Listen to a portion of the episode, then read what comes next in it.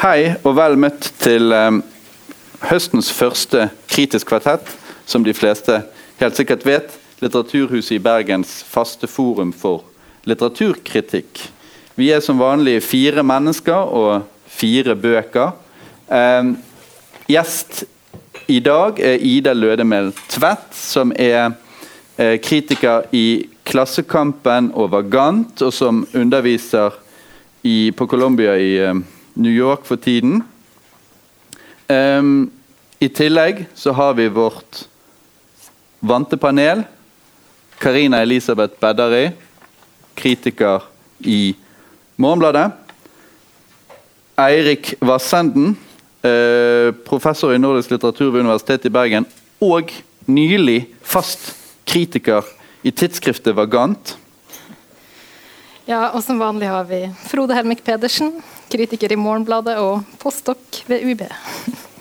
Eh, vi skal i dag ta for oss fire bøker som vanlig i eh, denne rekkefølgen. Eh, Jenny Offill, 'Avdeling for grublerier', heter den på norsk. Chris Kraus, 'I Love Dick'. Tony Morrison, 'Gud hjelpe barnet'. Og John Williams, 'Augustus' alle sammen kan kategoriseres som romaner. Ja, jeg skal begynne med å presentere Avdeling for grublerier, eller Department of Speculation, som den heter på engelsk, eller amerikansk. da. Alle bøkene vi leser i dag, er faktisk amerikanske. Dette er Jenny Offields andre bok. og Da den kom ut i USA i 2014, så figurerte den på de fleste avisene sine lister over årets beste bøker det året. Den har blitt oversatt til flere språk. Og nå når den kom på norsk i høst, så har den så vidt jeg har sett, kun fått positivt omtale. Så langt, i hvert fall. Eh, den kan oppsummeres som en bok om hvordan hverdagen plutselig innhenter deg. Du var liksom så ung og lovende, og du hadde Post-It-lapper på pulten med 'arbeid, ikke kjærlighet'. Men nå så har du liksom forlatt kunsten med stor K til fordel for et liv med barn, veggedyr i leiligheten, ghostwriter-jobber. Og så sitter du der og gremmer deg over andre boka som du skulle ha skrevet for syv år siden, og ektemann banker på døra, og han spør om du vil ha et laksesmørbrød. Eller så kanskje han banker på og sier at han må snakke med deg, for han har plutselig forelsket seg i en annen som er 15 år yngre. En jente som fortelleren i boka sier det. Det er nemlig omtrent akkurat det her som skjer i boka.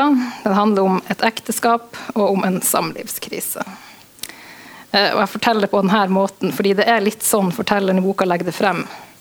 Det som skjer, er jo ganske tragisk, selvfølgelig. Men her blir mye, ikke alt, men ganske mye, fortalt med ironi og litt distanse.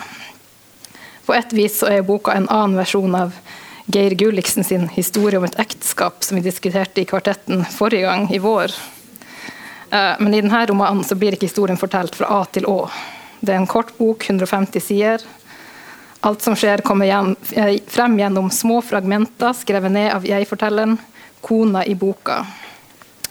Eh, den har et plott og en fortelling, ekteskapet, og, ja, men alltid får vite om hennes liv før ektemannen, om møtet mellom dem, om dattera, om samlivet, samlivskrisen.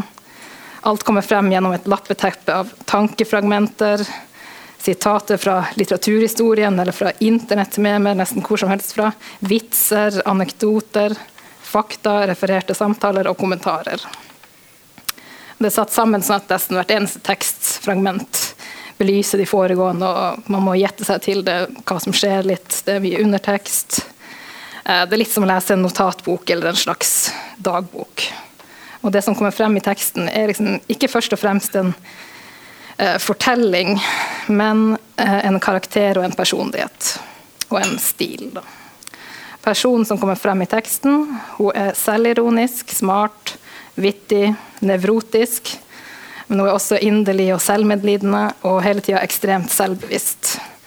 Eh, et typisk eksempel for et tekstfragment det er sitat er rask til å hate. F.eks. hater jeg folk som skrever når de sitter. Folk som hevder å gi 110 Folk som sier at de har så de klarer seg, når de egentlig mener at de er kvalmende rike. Du er veldig fordømmende, sier psykiateren min, og jeg gråter mens jeg tenker på det på hjemveien. Denne tonen er veldig typisk for boka. Uh, hun kommer med utsagn som stiller henne sjøl i dårlig lys, men samtidig forteller hun det på en så distansert måte at man skjønner at hun gjør litt narr av seg sjøl. Stiller seg ut, liksom. Og hele, hele, veien er det veldig gjenkjennelige og menneskelige ting som beskrives. Uh, men mitt spørsmål er egentlig om det blir litt for mye utstudert glimt i øyet i denne boka. Vet Ikke hva dere sier. Ida, hva syns du? Jeg syns det er for mye utstudert glimt i øyet. Ja. jeg, jeg, det, jeg, var overrasket når jeg leste den fordi at jeg hadde lest et par anmeldelser først, og alle snakket om hvor organisk eh, denne fragmenterte stilen fungerte, og hvor trillende det var, og hvor morsomt det var. og sånn. Mens for meg eh, fremstår det veldig eh, veldig sånn Fragmentene føles veldig insisterende meningsfulle uten at jeg helt skjønner eh, hva de prøver på å gjøre. Det er noen øyeblikk som f.eks. Eh, det er en setning som står for seg sjøl midt i, der hvor det bare står 'life equals structure plus activity' i kursiv. Og Jeg kan tenke på det og forstå hvordan det står i sammenheng med delene rundt, men for meg framstår det pretensiøst eller noe sånt på en måte som det at hun gjør narr av seg sjøl i at hun gjør det, ikke klarer helt å redde det. Det, det syns jeg er den uh, Siden du spør.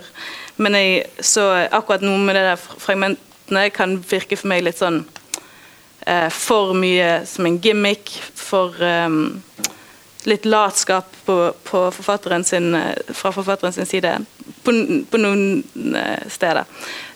Og det er en del av en tradisjon som får altså, Det er en måte å skrive på som, som jeg ofte liker, men jeg må virkelig stole på den som gjør det for å like det. Men samtidig så var det mye med boken jeg likte godt. da, det også. Men akkurat Eh, det er ganske sin, mange gode mm. formuleringer i den. Det er mye gode, er, det, og det er mange morsomme øyeblikk. Ja. Og, det er, mye, og det, er no, det er, et forhold, det er en relasjon mellom en mor og et barn der som er veldig rørende.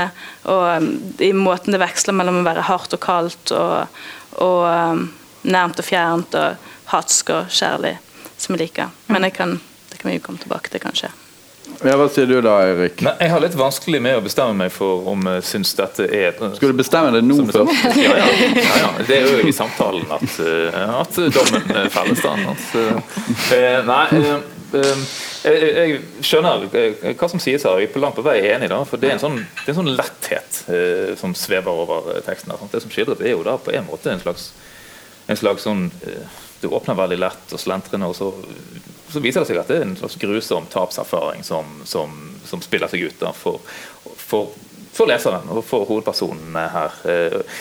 Og Samtidig som disse, samlivs, samlivs, denne samlivskrisen blir mer og mer intens, så, så varer lettheten i skriften eh, og refleksjonen ved. Da, som, som om, da, da, blir det for meg i hvert fall tydeligere eh, jo lenger jeg leser, at at den, den, denne måten å sette sammen denne historien på er en slags måte å holde seg flytende på. Da, Når gulvet forsvinner, så er fortsatt den der den tilsynelatende sjølette, eh, overflatiske, ironiske distansen tilgjengelig. Men den er liksom som, som skall, da, som, som, ikke egentlig gir noen særlig beskyttelse mot noe som helst. Eh, så, så, så, for meg så Det jeg er litt usikker på, er om, om, det, om det, er litt, om det er litt eh, tynt, da, eh, eller om simpelthen den tynnheten bare understreker den, der, eh, den, den alvorlige tristessen som, som, ikke bare da er eller, eller ja, tragedien da, som ligger under dette. Ja, eh, nå hørte jeg Karina også brukte ordet tragedie. altså Jeg kan, jeg kan ikke se noe tragisk her egentlig i det hele tatt. Eh, det er jo, det er jo et Det tap av kjærlighet, og alt tap av ja, kjærlighet det, i en eller annen forstand. Det er tragisk, da. Nei, det er, jo, det er, jo, eh, tross alt et ekteskap som overlever denne krisen, da. Ja, og hvor, eh, hvor, hvor avslutningen er absolutt vil jeg si løfterik. Jeg vil si at det er mer en, en som ekteskapsskildring betraktet mer en skildring uh, som, hvor, hvor utroskapet og krisen anses som en del av ekteskapet, mer enn som en sånn slags tragisk slutt på ekteskapet. Det er liksom livet som går. Ja, det... og derfor så ja. Jeg er litt enig i det, for det er liksom en bok Jeg tenker på det som en bok som handler om idealet, sånn du hadde tenkt det skulle blitt, og så å, sånn som det ble hverdagen det vanlige.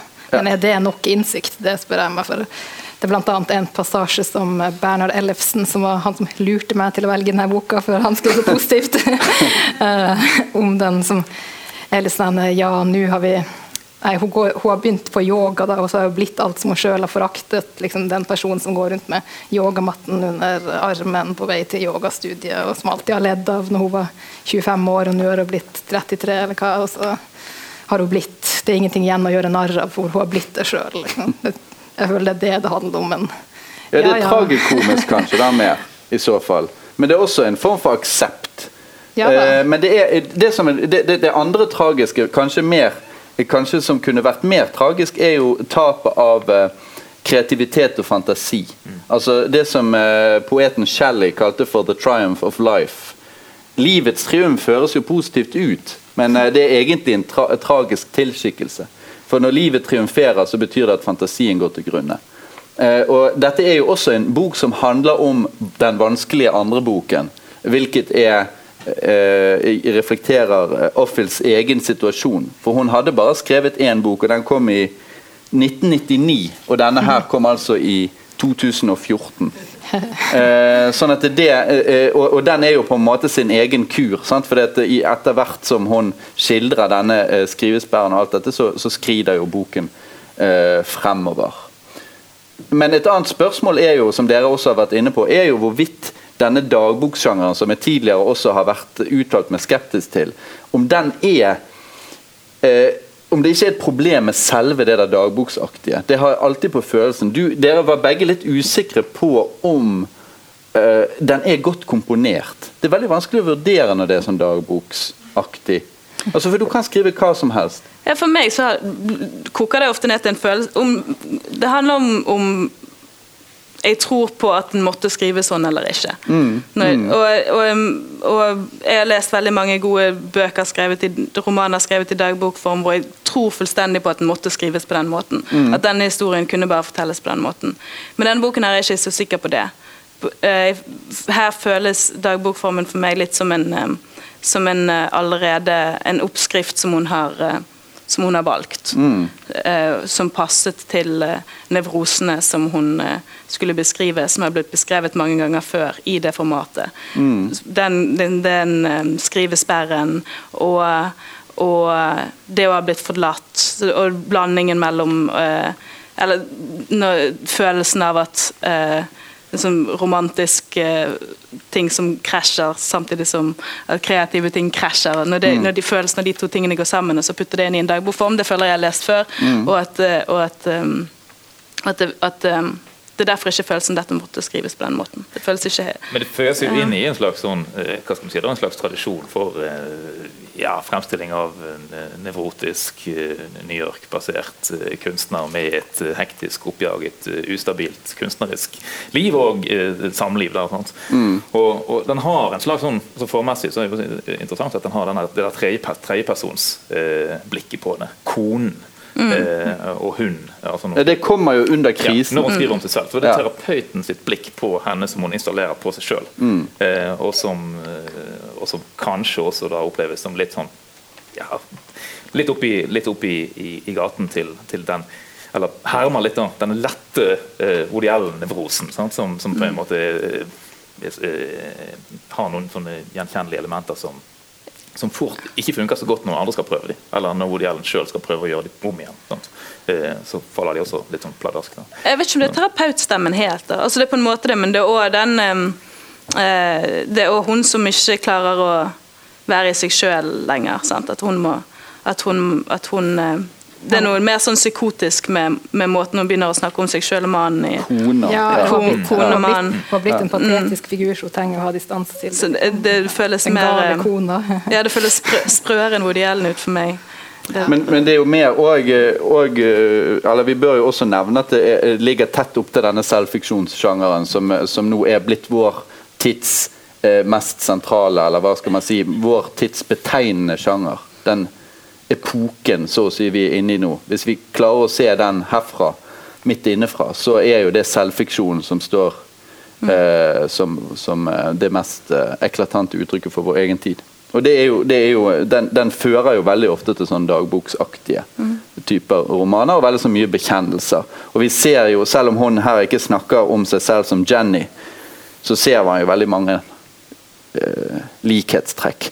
Der, derfor syns jeg i motsetning til det som kan være tilfellet i andre sånne, at, at det er bra eh, at hun klarer å fremstå som en eh, Hva skal man si En veldig eh, tenkende person, iallfall innimellom. Altså, eh, som har veldig gode formuleringer. Som der du ikke føler nettopp at det bare 'jeg må ha alt dette ut', men at det, at det fremstår som gjennomtenkt. Jeg forsto på dere at det var kanskje litt for gjennomtenkt. Litt stivt, litt pretensiøst. Men hun hadde mange gode, gode kommentarer. F.eks. det der med 'sleeping like a baby', sier man jo i, på engelsk.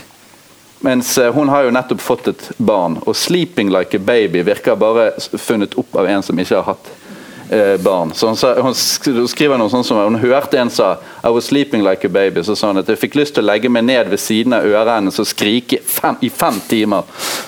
For å illustrere hvor dårlig det var. Um, men, men, eh, en del sånne ganske smarte observasjoner redder den for meg. Uh, og jeg, så jeg faller, ned på en, jeg faller nok ned på en positiv dom til slutt. Jeg syns den var underholdende, uh, og jeg syns den var uh, lett å lese og forstå.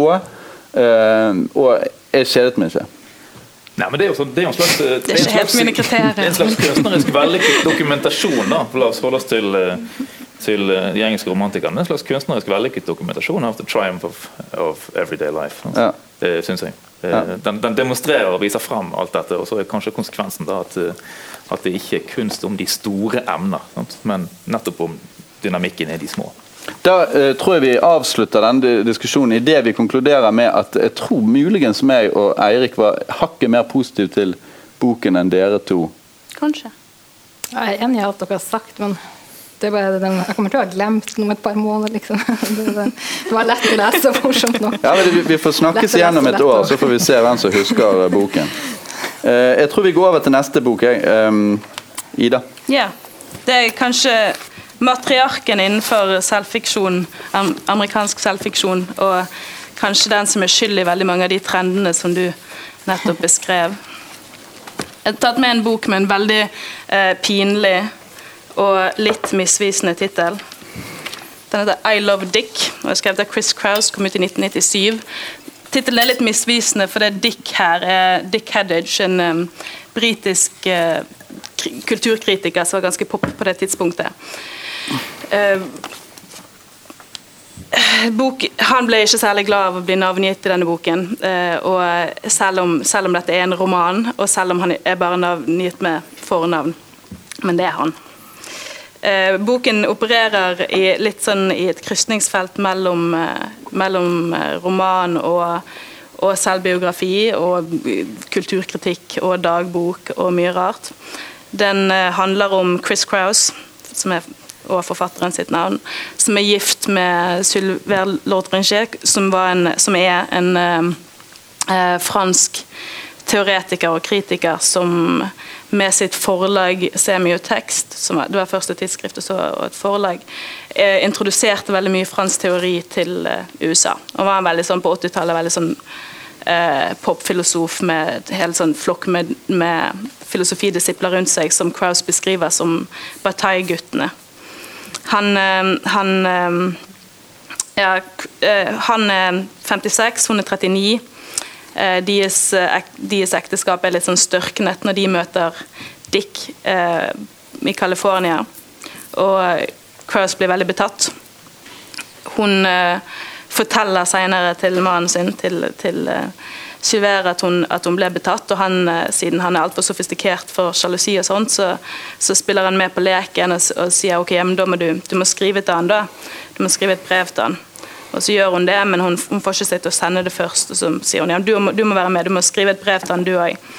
Og så sitter de der og skriver brev om denne forelskelsen som, som Kraus nå driver og dyrker for denne Dick, som ikke vet noe foreløpig. Men så begynner de å sende, begynner å ta kontakt. Uh, Sylve ringer han og sier uh, nå skal du høre, vi, uh, etter vi møtte deg og var med deg et døgn, så har vi sittet her og skrevet brev til deg, og vi tenker at dette kan bli et slags sånn konseptuelt kunstprosjekt. For det, han var interessert i det. Hun var det. Hun, var en, hun, er i boken og i virkeligheten en litt sånn mislykket eh, eh, eksperimentell filmskaper.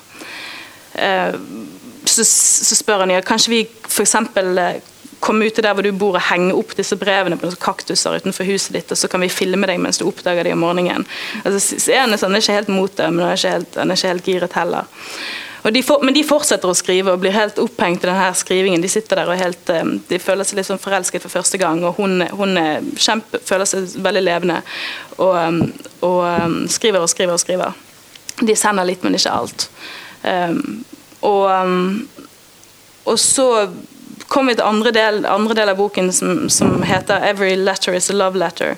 For man merker at dikt blir egentlig mindre og mindre viktig. Det handler mer og mer om skrivingen av disse her brevene. Og um, de blir mer og mer konseptuelle, på en måte, og hun skriver bedre og bedre. og Brevene blir i større og større grad mer essay om kunst og filosofi, og hun føler at hun for første gang kan bruke tenkningen. De, de, de, opererer, de lever i dette sånn hyperintellektuelle, hyperseksuelle miljøet der hvor alt handler om eh, høytsvevende fransk teori. Men for første gang føler hun at hun kan bruke all denne tenkningen til noe som er jordet, og som har eh, en adressat og, og, det samme kjærligheten deres. De har på en måte sånt, en tredje ting eh, som de kan adressere alt til. Så alt, alt blir veldig begeistret. Uh, og, og, hun begynner å skjønne at det hun egentlig skriver brev til, er ikke dikt, kanskje, men, men, til kjærligheten som idé, eller til begjæret som idé. Og, tingene, og prosjektet blir mer og mer eh, konseptuelt, samtidig som hun òg er veldig veldig forelsket, og mer og mer forelsket. Så det er, sånn, det er begge deler. Og, og dette her um, dette er typisk for hennes forfatterskap. Um, at det handler veldig mye om, om det iscenesatte og, og, og, det rensende ved å spille ut roller. og Hun bruker ofte møter mellom mennesker som en sånn slags form for eh, som et sånn filosofisk teater. på en måte. Denne boken har vært en uh, kultklassiker blant uh, unge tatoverte feminister siden 97, eller, og litt sånn i sånn punkete miljøer. litt sånn skitten punkfeminisme har den, en, har den holdt seg hele tiden, men, men, men det, den har også vært veldig forhatt i, av mange. og Folk har elsket og hatet den, og folk har elsket og elsket den eh, på trass av de som har hatt den. Og, og det er, og den, den, men nå har den fått en slags renessanse ved at den, den, kom ut I fjor kom den ut i Storbritannia for første gang. Eh, den kom nettopp ut på svensk, den kom ut på norsk i år, og det er nettopp blitt laget en TV-serie av Amazon med den. Så det er et eller annet et eller annet foregår, Kanskje det er det du snakker om, at det er en, det er en trend akkurat nå. Mm. Og dette er, kanskje, dette er kanskje der det begynte. Hvis jeg har, et, har jeg et minutt til her. Mm. Um, jo, jeg tok med denne boken i hvert fall. Jeg valgte denne boken av to grunner. Det ene er at jeg tror den har, um, den har mye til felles med, med, de andre bøkene som vi leser i dag. Den har med alle sammen, og jeg tror den kanskje binder litt sammen uh, prosjektene. På samme måte som Augustus, så er det en brevroman eh, som, handler om, eh, som, handler om, mennesker som faktisk har levd, eller, eller, og, og, hvor mannen i tittelen ikke vi, ikke hører, vi hører ikke fra han før på de siste sidene. Og på samme måte som Tony Morrison, som vi også har lest i dag, eh, så har Crowes blitt kritisert for at, hun, eh, for at hun ikke kan komme over disse her Eh, denne, disse tematikkene sine. Sånn, Tony Morrison ble kritisert for at hun er så opphengt i, i rasisme og incest, som er en helt absurd eh, beskyldning, mens Crouse ikke like absurd blir, uh, blir beskyldet for at hun kanskje kan snakke litt mindre om sexlivet sitt, det, og det i bok etter bok. Um, og på samme måte som, som Offil, som vi nettopp snakket om, så handler det om så, det om, så er det en sånn veldig analytisk tilnærming til, til de veldig patetiske reaksjonsmønstrene som man kan ha etter en avvisning. Um, og Den andre grunnen til at jeg tok den med, er at jeg ikke vet helt hva jeg mener om den, og at jeg har lest den to ganger i løpet av fire år og mente det no, noe en gang og noe annet en annen gang. Så, så jeg har um, tenkte jeg skulle prøve litt ut begge, begge sider her. hva tenker dere? Jeg kan godt si hva jeg tenkte, fordi at eh, jeg ble eh, var intenst begeistret etter å ha lest 100 sider.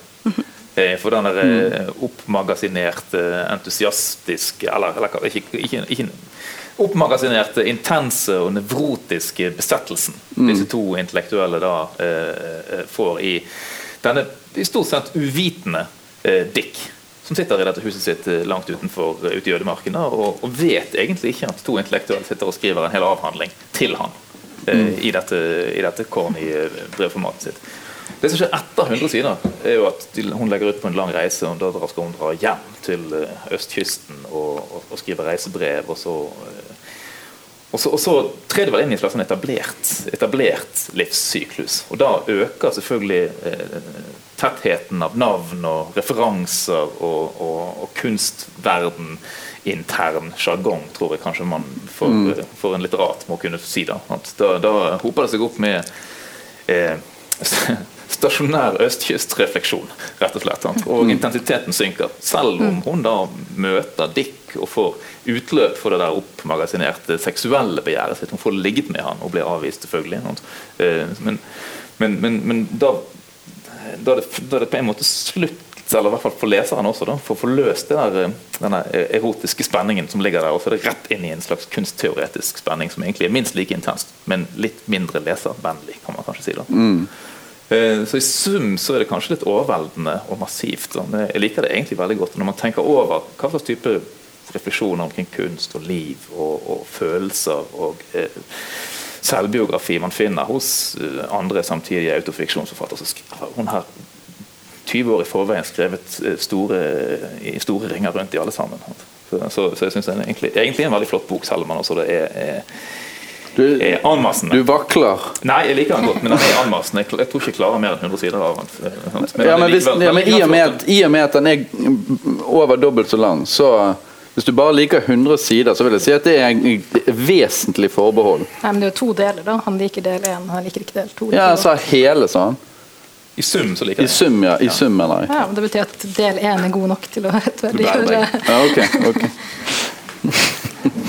Hva sier du, Karina? Nei, jeg vil høre ditt først. jeg, jeg, altså, jeg deler, jeg deler, egentlig beskrivelsen Din, din uh, leseerfaring deler jeg langt på vei. Jeg var også mest eh, interessert i begynnelsen, Eh, og min, mindre og mindre egentlig interessert.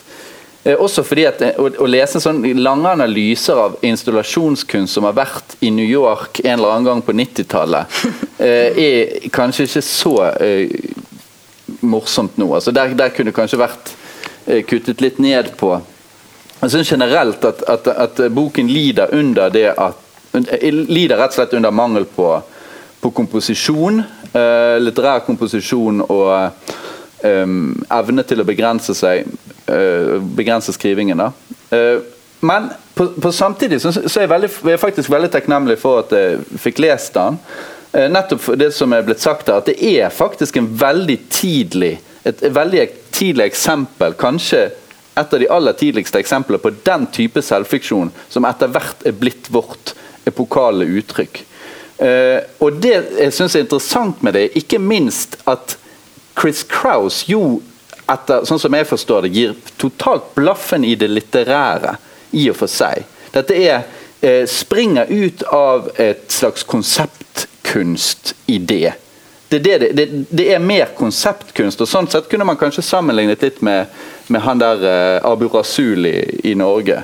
Eh, som også er på en måte litt sånn postlitterær. Da. Det, er veldig, det, er, det er noe postlitterært ved dette som, jeg, som, interesserer meg. For det er et eller annet med at Hvis jeg hadde sagt til Chris Crouse denne boken syns jeg ikke er så veldig litterær, så tror jeg det hadde vært totalt likegyldig for henne. Vet ikke om dere er enig i det? Jo, det tror jeg. jeg vet ikke helt hva du mener med det, og jeg ser ikke helt motsetningen mellom altså, Jeg ble overrasket andre gangen jeg leste den over hvor avmålt jeg syntes den var, og hvor lite hvor, hvor, hvordan det der overlessete som jeg fikk inntrykk av første gangen, egentlig ikke var så overlesset likevel. Og det virker mye mer strategisk og mye mer velvalgt enn jeg med første gang fikk første gjennomlesning tenkte. Og jeg, tror, og jeg liker òg disse her eh, lengre passasjene om, om, det er, om det er mm, installasjonskunst fra 90-tallet som jeg aldri kommer til å se, og som jeg ikke interesserer meg for i seg selv. Men det jeg tror hun gjør med de passasjene, er at hun viser hvordan hennes tenkning endrer seg, og hun, hvordan hennes analytiske blikk endrer seg, og hvordan hun bruker det der eh, tilsynelatende eh, råe som egentlig er veldig temmet her, til mm. å lære seg et språk og til ja, å lære seg å se og tenke på en annen måte. Det, det, at kjærligheten lærer henne til å skrive og tenke og sånn på en annen måte, det er klart, det kommer veldig tidlig frem ja, ja. som et tema.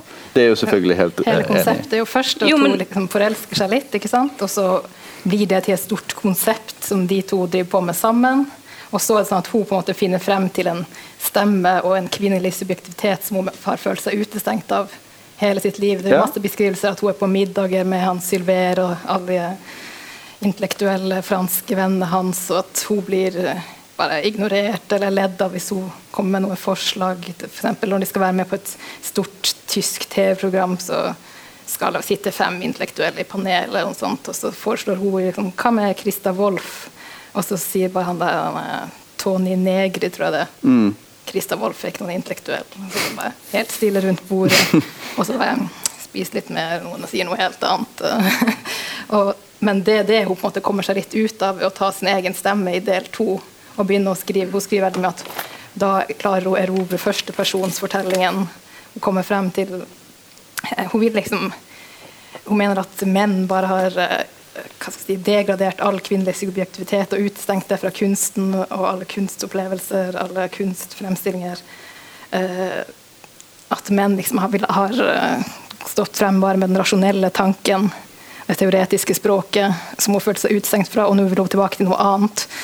Eh, tilbake til mer kvinnelig følelsesspråk, hvor du kan uttrykke hva som helst. Og det er det det her prosjektet med Dick lar hun gjøre. da, at hun bare, Selv om han ikke vil ha henne over og så med masse brev hvor bare tilber han uansett hva han sier. da. Det er det jeg ser som, som poeng. Det er, ja, det, jeg kan godt være enig i at det er hovedsaken. Men, eh, men eh, spørsmålet, spørsmålet jeg kan stille deg, da er om du er enig i at den ikke er så veldig litterær. Du forsto ikke helt hva jeg mente med det. Eh, det er jo Ja, I noen partier syns jeg Altså, jeg er uenig med spørsmålet. jeg, jeg, jeg kan være litt, eller jeg syns at for eksempel noen deler i del to er altfor teoretiske og 90-talls. For eksempel det er noe om schizofreni, og jeg forstår ikke helt hva hun skal inn på der. eller jeg forstår det ikke.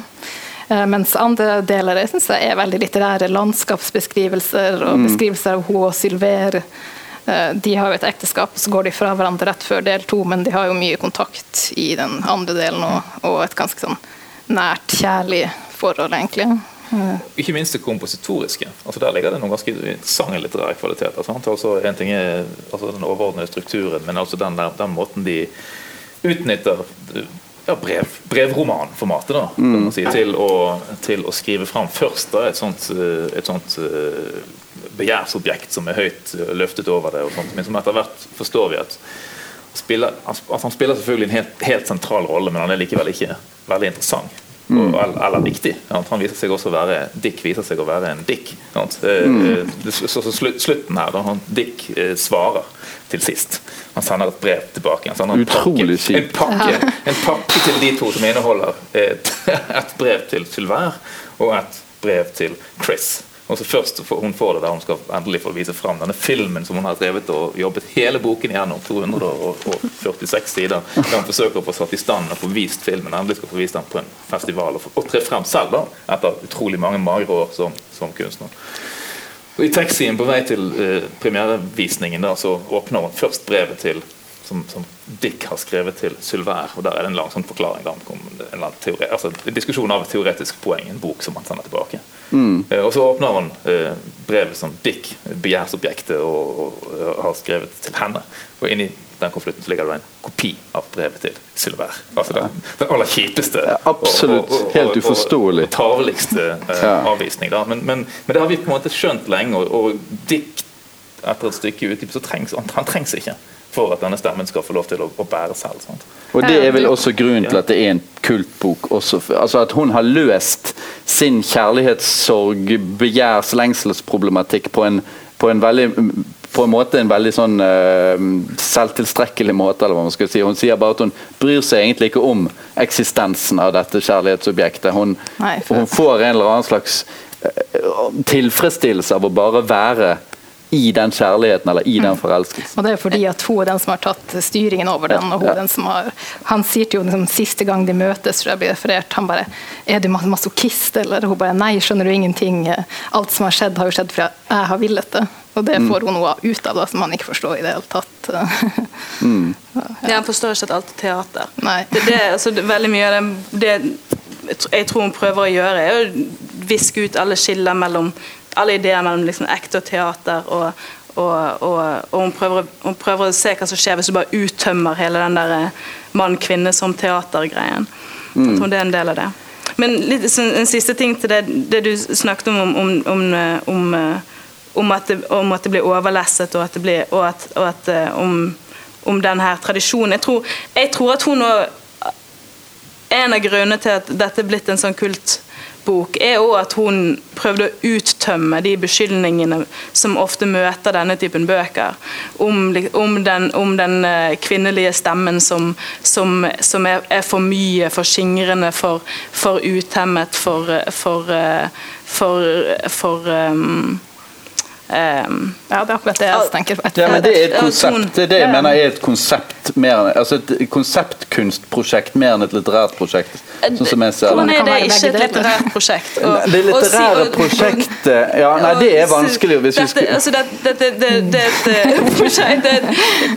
det er en tilnærming til Altså, det er jo en måte å renske språket på. Man kan ikke, ja. kan bli mer litterært enn et prosjekt som sier ok, her har du en trope, her har du en måte som eh, det kvinnelige språk, kvinne, det, den kvinnelige bekjennelsen har blitt lest om igjen og om igjen fra, eh, fra de greske mytene om, om eh, kvinner stemmer i offentligheten. Ja. Og, så prøv, og, så prøver hun å uttømme det, hun prøver å gjøre det så ekstremt at du på en måte ikke kan kaste de beskyldningene mot henne. Det er et veldig litterært prosjekt, sånn jeg ser det. Ikke et, altså det med, med lange tradisjoner. Jeg, få, jeg, jeg, tror jeg kan oppsummere det jeg mener i én setning, nemlig eh, det er ikke hennes mål å skrive et litterært verk.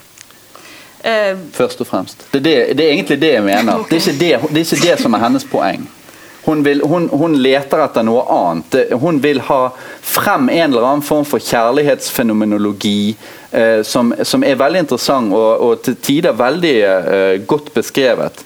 Men det er et eller annet med det som, som får meg til å tenke at, at, det er ved enden av en litterær tradisjon. Det er akkurat som å ta et skritt vekk fra hele den litterære tradisjonen. Ja, men hva så? Hvorfor kan vi ikke lese det som et jo, litterært verk? Men det er jo nettopp det som er poenget. er, poenget da vil jo være nettopp at ja, det er det, der er hun forut for sin tid. Hele selvfiksjonssjangeren tar dette steget ut. Eh, jeg liker det ikke. Altså, jeg, jeg, liker litteratur og liker the great tradition, liksom.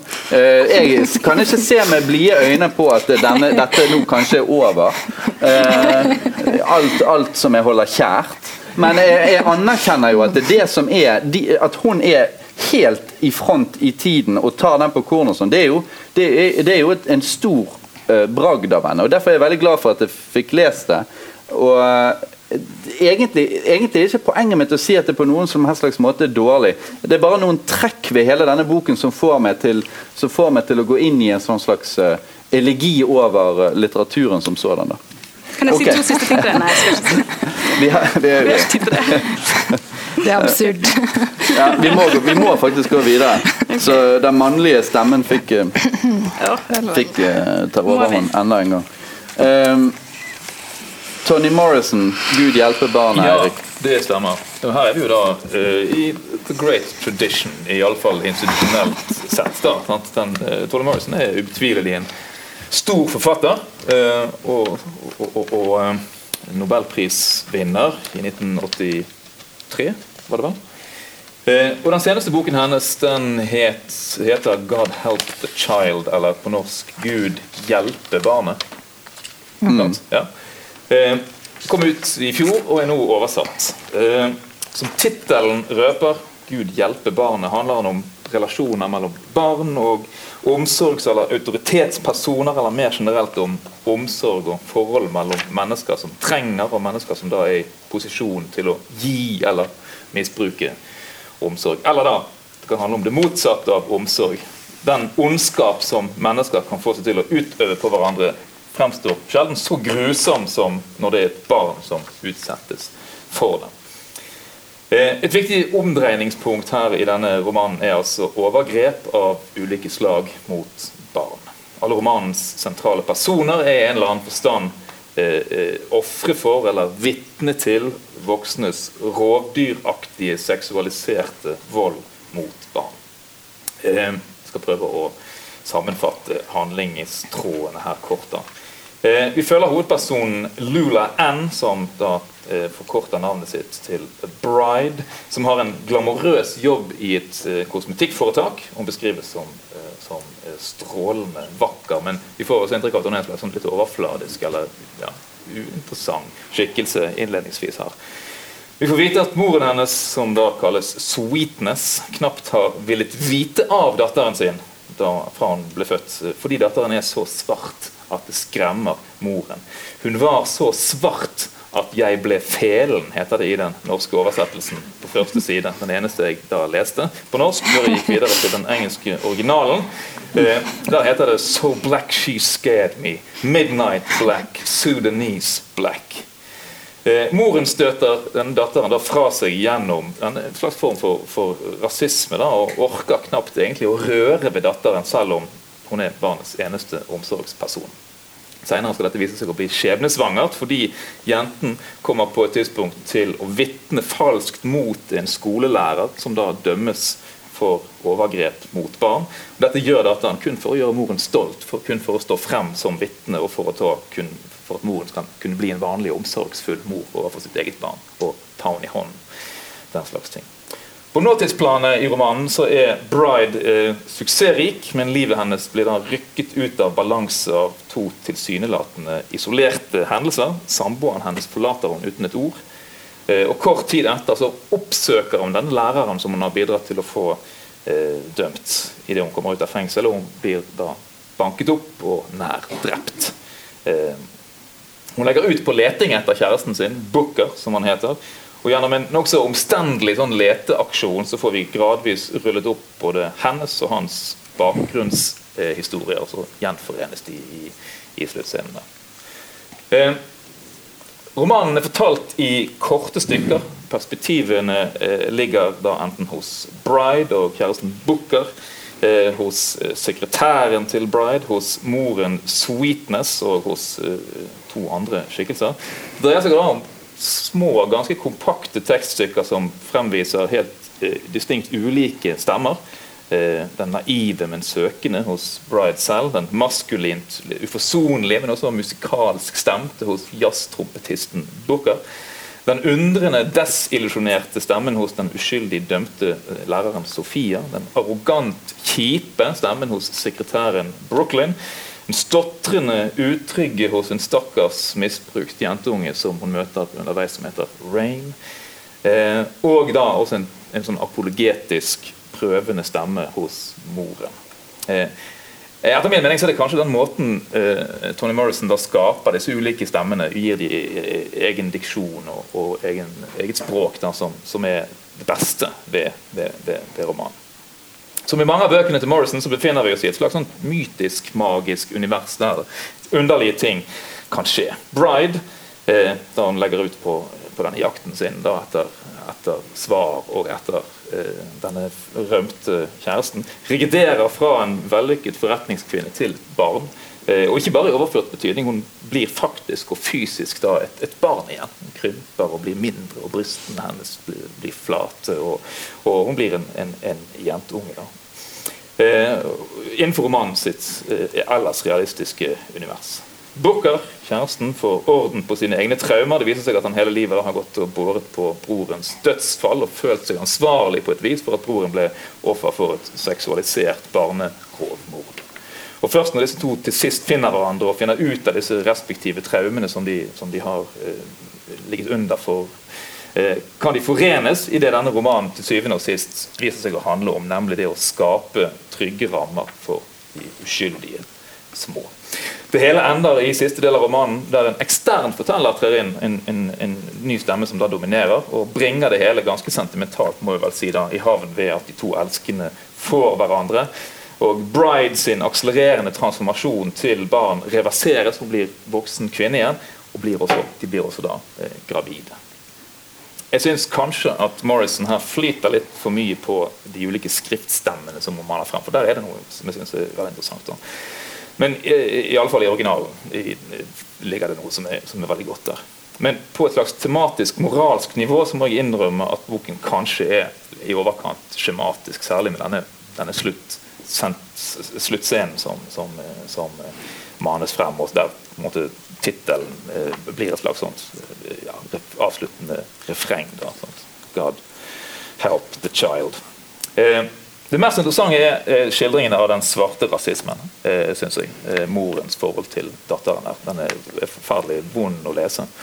Overgrepsskildringene er selvsagt også vanskelige og grusomme, men det føles på en måte som, som tematikk, da, med anførselstegn, mm. eh, jeg. Eh, det mest interessante er kanskje at Morrison har klart å lage en hel roman med en såpass utilgjengelig og lukket og egentlig ganske uinteressant hovedperson eh, som det for leseren er litt vanskelig å, å, å, å forstå. Men, men, selvfølgelig, det handler naturligvis også om hva, hvordan disse ubearbeidede traumene skaper den samme eh, lukketheten, da, eh, må man vel si. Mm. Så jeg er delt, men ikke, ikke, ikke veldig positiv. det kommer alltid som en overraskelse på meg. Du kan ha en lang Plutselig så Nei, det var ikke så bra. Men, uh, Nei, det, er ingen, det, er ingen, tvil om at det er en moraliserende, det er moraliserende og, og, ganske streng roman, som også legger opp til en litt for sentimental happy ending. Ja. Ok, Så du er i hovedsak negativ. Hva med deg, da? Jeg har mange forskjellige gikk gjennom mange faser mens jeg leste. Jeg synes Det med den eh, infantiliseringsprosessen som hun går gjennom, eh, som vi egentlig ikke vet om er et sånn øyeblikk av magisk realisme i boken, eller om det, en, hennes, om det bare skjer i hennes hode. For det er, ingen, det er, ingen, som reagerer på det. Det er ingen som sier eh, 'du ser noe ut som et barn'. Men det er et eller annet utrolig sterkt med måten Det, så, det begynner med at hun plutselig ikke har hull i ørene lenger. Og det med hullene i øynene, det var når hun, når hun um, som barn vitnet mot denne uskyldige damen i retten for å få sin mor sin kjærlighet. Eh, for endelig å få aksept for sin mor, for å gjøre moren stolt, så ble hun premiert med øredobber. Hun fikk hull i ørene. Og så skjedde det senere, når disse traumene kom tilbake, at hun plutselig føler at hun ikke har hull i ørene lenger. Så det er en sånn tilbake til, det, til stadiet før hun, før hun før hun både syndet mot denne her fremmede damen og vant sin mors kjærlighet. Og så eskalerer det fra der sant, at hun mister brystene og sånne ting, og at hun, at hun infantiliseres på en måte. og at, og at hun eh, og at hun er redd for at hun skal gå tilbake til alt det som var før hun lærte seg å bruke det som hun ble fortalt var eh, det er noen fantastiske beskrivelser av skjønnheten hennes. Hun får beskjed om at hun er altfor svart, men så møter hun en eller annen sånn klesdesigner som sier, hva, eller en eller annen motefyr som sier 'gå alltid kun i hvitt', kle deg kun i hvitt. Eh, sånn, at du virkelig eier den der blåsvarte huden sin. Og så, så hun, er bare, hun er en sånn her skjønnhetsikon som bare overalt slår folk i bakken med den der eh, kontrasten mellom det hvite og det svarte. Og det er masse sånne beskrivelser som det er mange detaljer sånne detaljer som jeg syns er fantastisk med boken. Men jeg er enig med deg at eh, at, um, at det føles veldig det, det, er et eller annet som ikke fungerer med og jeg tror det har mye med Grunnen til at jeg tror du kan føle at det er veldig skjematisk, er noe med tempoet. sånn som The Bluest Eye, som er en bok av Tony Morrison som jeg elsker, som har akkurat samme tematikken, som også handler om rasisme og incest og sånn om hverandre. En nydelig bok, og den rører meg mer. Den knuste meg på samme måte som Beloved knuste meg. fordi at, og det, Denne gjorde ikke det, og det tror jeg har noe med tempo å gjøre. Og noe med, med en sånn innbitthet i tonen. som Jeg tror, jeg tror du har rett at det handler om at den, det, tematikken er så det, det, hviler så mye på tematikken her, og hun har så mye hun vil si, at, um, at det, blir litt, uh, det blir et hastverk. Men, mm. Særlig på slutten. Den siste delen går utrolig raskt. Når hun kommer eh, til det stedet hvor denne Booker har rømt til og møter tanta hans eller hva det er som mm. bor sammen med, og så skjer alt bare utrolig raskt. at De krangler, og så plutselig tanta satt fyr på huset sitt rett etter at hun var, et par timer etter at hun har kommet dit. og Så kom hun på sykehuset. Uh, først overlever hun, og så dør hun. Så alt går så raskt der. da, Veldig mm. merkelig. Men Booker er en veldig interessant karakter. Mm. Ja, og Han er vel den eneste mannlige stemmen i mm. boken. Og jeg tror han er på en måte Det er litt det jeg snakket om, at, at, at hun bruker sånne her um, folk som, som stand-in for kritikerne sine. Og jeg tror han, han uh, her er det. Han er, han er en sånn superintellektuell fyr som eh, skjuler det veldig godt i dagliglivet, men som har tatt det eh studert masse. Og alt, alle studeringen hennes dreier seg veldig mye om å finne økonomiske forklaringer på alt. Han, sånn vil fra, han vil ikke forstå rasisme som kun rasisme, han vil, tenke, han vil, han vil spore det tilbake til til makt i form av penger.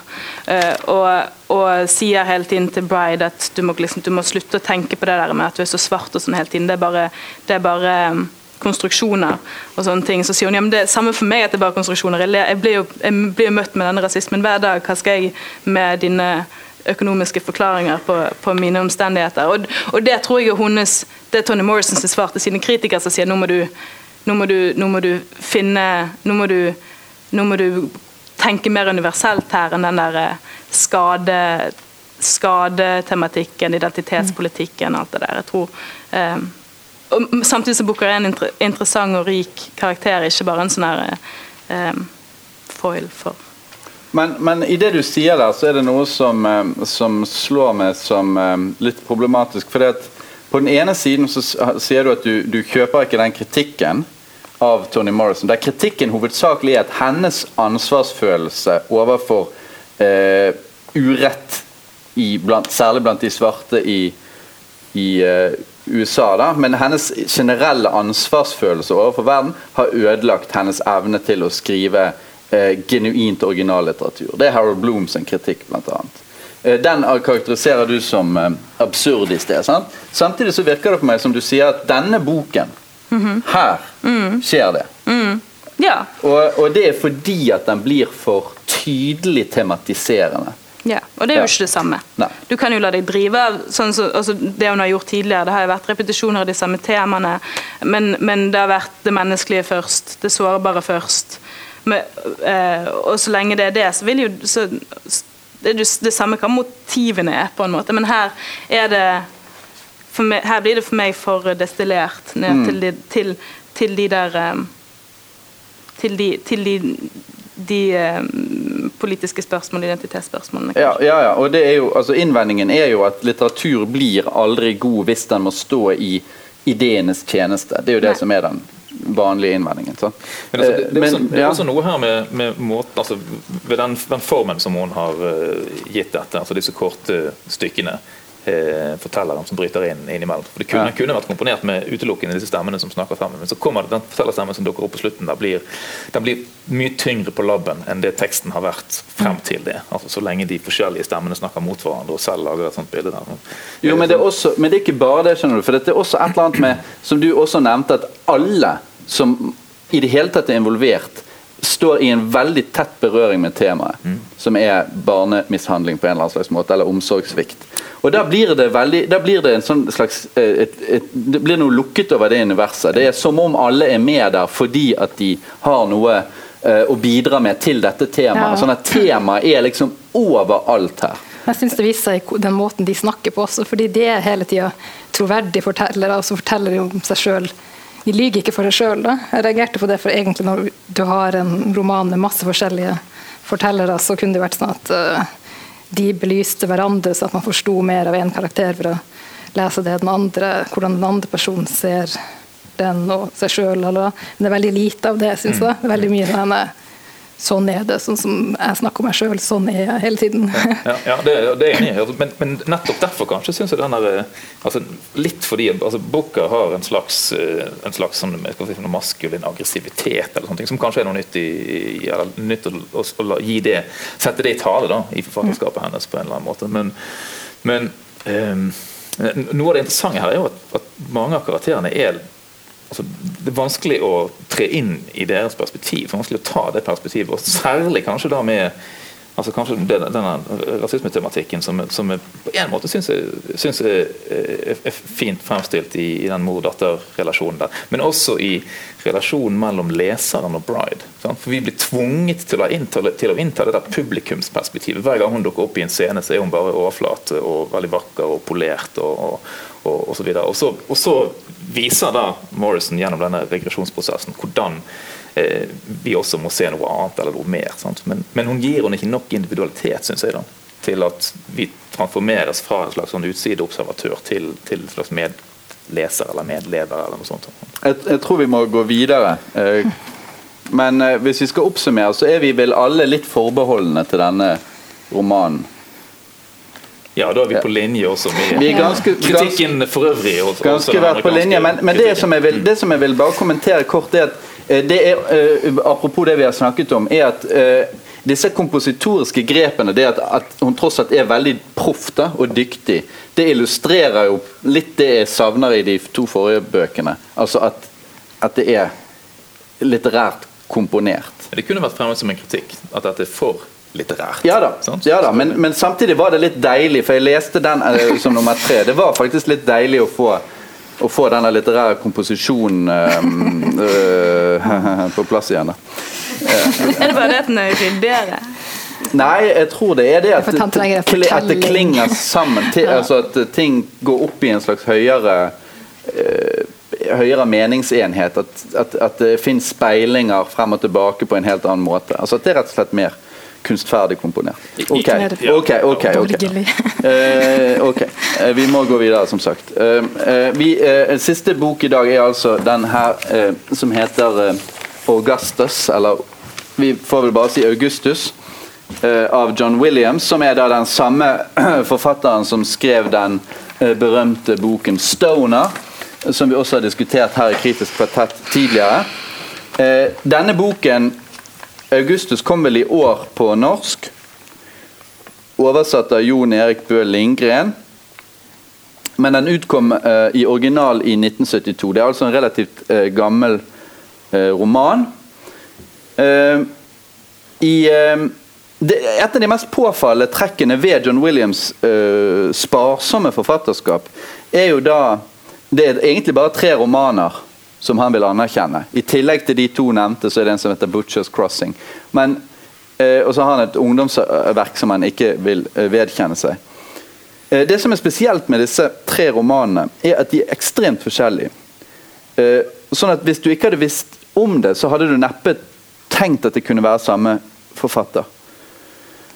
Eh, Det påfallet. Eh, En, en annen ting som er påfallet med de er hvor og det er jo da min mening, selvfølgelig, men at, at, de, har, at de er kompromissløse med, i forhold til sitt eget litterære nivå. Jeg vil jo si Av alle disse bøkene så er jo denne her i en eh, særstilling når det gjelder litterær kvalitet. Det kan nesten ikke sammenlignes. Den er etter mitt syn på et helt, helt annet nivå. Og jeg vil også si at den er kanskje, kanskje den beste boken eh, vi har omtalt i Kvartett noensinne. Eh, sånn at det, det er en prosa som har en usvikelig autoritet. Eh, Det vil si at du aldri får noe grunn til å tvile på om dette burde stått slik og ikke på en annen måte. Det er et slags grunnkriterium i eh, litteraturkritikken, vil jeg si. Det at noe inneholder sin egen begrunnelse for hvor, hvorfor det er slik og ikke på en annen måte. Det var kanskje ikke helt godt formulert, men det var slik eh, tradisjonen har formulert det på en litt bedre måte. Eh, det er nesten umulig roman i det i tillegg. Det er det jeg også syns er helt fabelaktig. Altså Det er en epistolær roman, sånn sett um, har noe til felles med I Love Dick. Altså en brevroman. Det vil si det er ikke bare brev, det er også andre typer opptegnelser. Som til sammen skaper et slags tekstlig lappeteppe som skal favne om hele eh, keiser Augustus' regjeringstid. Og det, Der snakker vi om et svært emne. Eh, og det at Williams har klart å få dette til, ikke bare liksom drive det i land, men har klart å få det drivende Altså det er, etter mitt syn, for meg var det iallfall en page-turner. Um, det syns jeg er et utrolig usannsynlig bragd. Um, det neste spørsmålet, eller det vi kan stille altså, han, eh, Williams hadde jo skrevet 'Stoner'. Hva, hva det, hvorfor, hvorfor Augustus? Hva i alle dager er det han tror han kan få ut av Augustus, litterært sett? Eh, og der vil jeg si det er to ting. Det ene er Augustus sin eh, legendariske gåtefullhet. Augustus var en person eh, hvis motiver ingen kjente. Det er han berømt for i antikkforskningen også. Man visste aldri helt hva han var ute etter. Han holdt kortene ekstremt tett til brystet. Sånn sett så er han en person med litterær interesse. Det er det ene jeg kan komme på. Det andre, og, og, og da også selvfølgelig spørsmålet om Augustus var han bra eller var han dårlig. Var han pill? Var han en pill råtten, grusom autokrat, eller var han, en, var han sånn som noen mener den beste eh, romerske keiseren gjennom tidene? Eh, Det er det ene. Det andre er dette som går på forholdet mellom far og datter, som jo også ble utforsket i Stoner med smertefull presisjon. Her er det, dreier det seg om eh, datteren Julia, eh, av ettertiden kalt Julia den eldre, eh, som er Augustus' eneste biologiske barn, eh, og som han elsker så høyt at det er at det er gjenstand for, for sladder. Eh, altså at han, at han eh, rett og slett eh, eh, vier henne for mye oppmerksomhet. Eh, men som han da likevel eh, må dømme til livsvarig eksil til en liten karrig øy som heter Pandateria. Eller Pandateria, eventuelt. Eh, hvor hun da ender Hun ender ikke sine dager der, men hun går nærmest Hun, går til, hun får vende tilbake til fastlandet helt til slutt, men hun går til grunne. Og Det er da etter anklager om et utsvevende seksualliv. Men som vi får da anledning til å gjøre eller konstatere i romanen, så er det kanskje først og fremst hennes mulige rolle i et komplott mot faren. Altså Hun har elskere som eh, har eh, konspirert om keiser Augustus' liv. Eh, spørsmålet er altså var hun, var hun eh, delaktig i dette eh, planleggingen av, eh, av, mordet på faren. Keiser Augustus hos Williams mener det selv, men han mener det samtidig som han aksepterer at hun elsker ham. Så han aksepterer på en måte menneskets grunnleggende inkongruens, kan man si.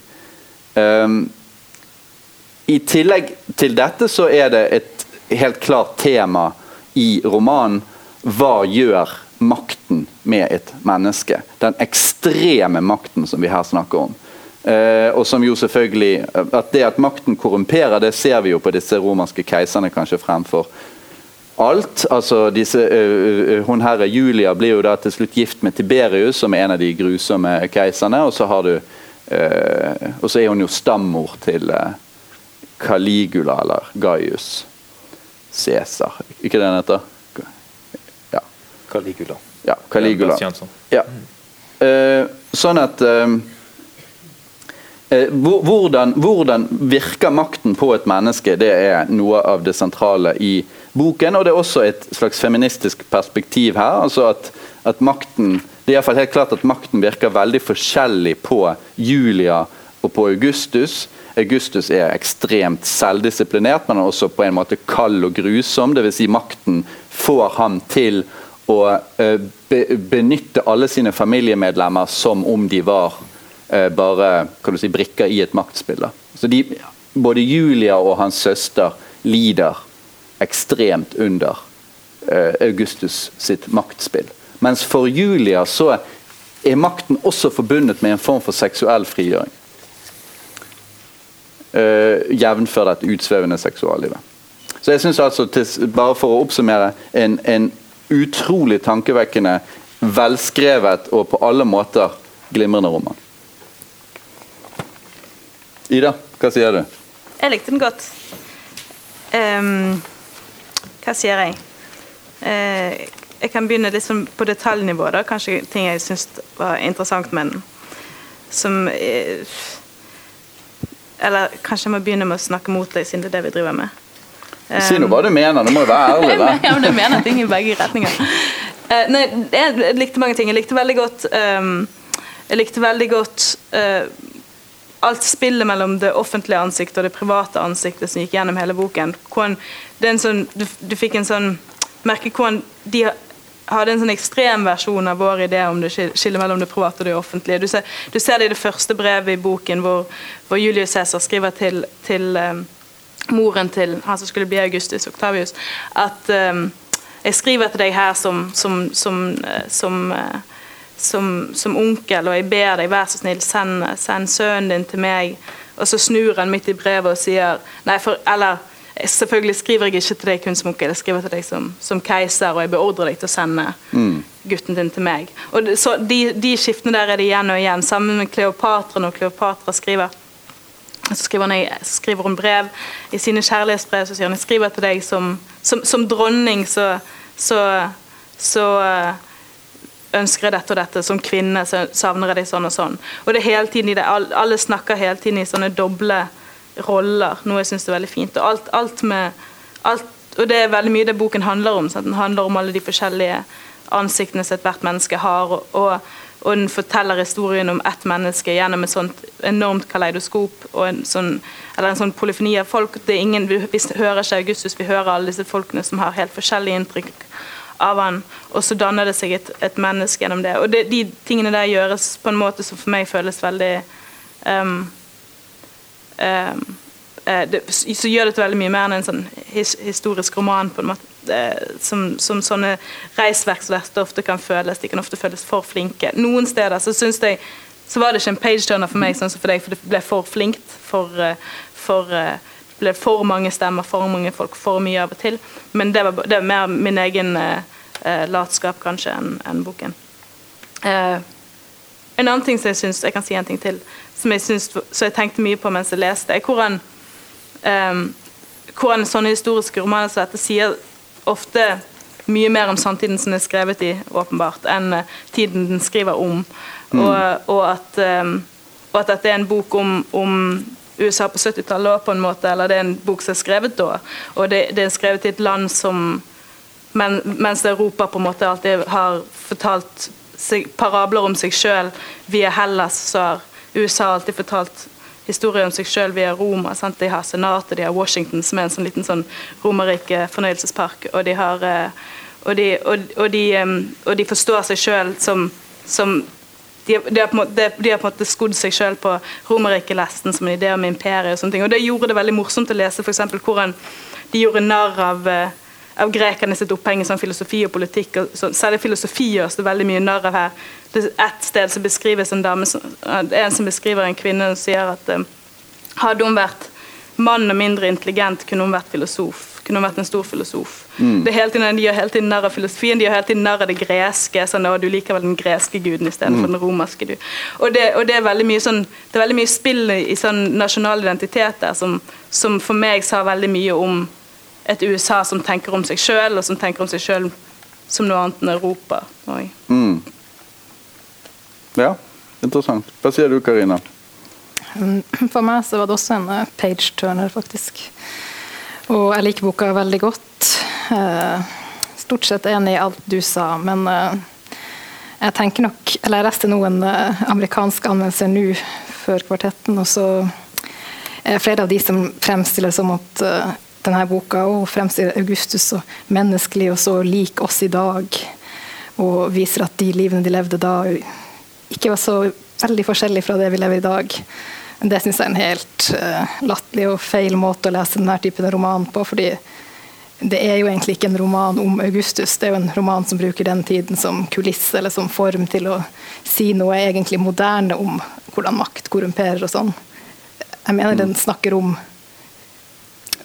ja, menneskets psykologi på en moderne måte. Da. Eh, ikke sånn som det var på den tiden. Vel, eh, jeg vil si som så at eh, det der å forske Nå, nå, nå er jo den der Augustus-forskningen i det 20. århundret var jo veldig preget av at man ikke skulle spekulere i hans personlighet og sånn. Av litt forskjellige grunner. At, at, at, man skulle se bare sånne historiske linjer, og han var bare et nærmest et tilfeldig uttrykk for en, for en tidsånd eller noe sånt. Eh, men sånn, at, sånn, sett så vil jeg jo si at eh, Williams sin roman er en slags forskning som var forut for sin tid. For det, ble, det kom artikler etter hvert på 80- og 90-tallet som handlet om hvem Augustus egentlig var som menneske. Uh, og jeg, jeg, jeg, jeg, er ikke uenig i det du sier, men jeg, også, mener, vil også mene at eh, romanen gir et bud på hvem Augustus faktisk var. Det, det, mener, det mener, jeg, nok. Ja, det er klart han gjør det. og Han kan jo ikke gjøre noe annet enn å projisere sin tids forestilling om hva et menneske er tilbake. Og Sånn sett så er den jo på en måte som historisk roman grunnleggende eh, ahistorisk, eller, eller ikke, fall ikke historiserende. da, mm. Denne tanken om at menneskenes hjerter eh, er til evig tid er alltid de samme. Sant? Den er jo i, i alle fall en, en, tanke som ikke problematiserer historisk bevissthet og, og sånne ting som dette.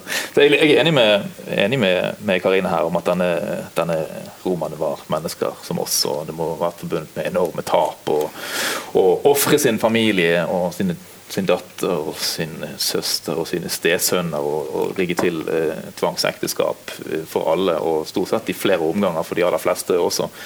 Eh, hvorvidt det var et stortap eller, eh, eller, i hovedsak inngikk i en slags mer eller mindre ritualisert og organisert form som var eh, akseptert og forstått, det er det vel ikke oss gitt å vite noe om. Sant? Vi kan kun forestille oss hva det ville innebære dersom vi skulle bli gjenstand for den samme type maktforhandlinger og spill sjøl. Ja, du kan jo si noe om hvem Augustus var ut fra det historiske, alt det historiske kunnskapen om tiden og hans handlinger og det som er igjen etter han. Du har jo en biografi eh, som er veldig tett på hans egen hånd.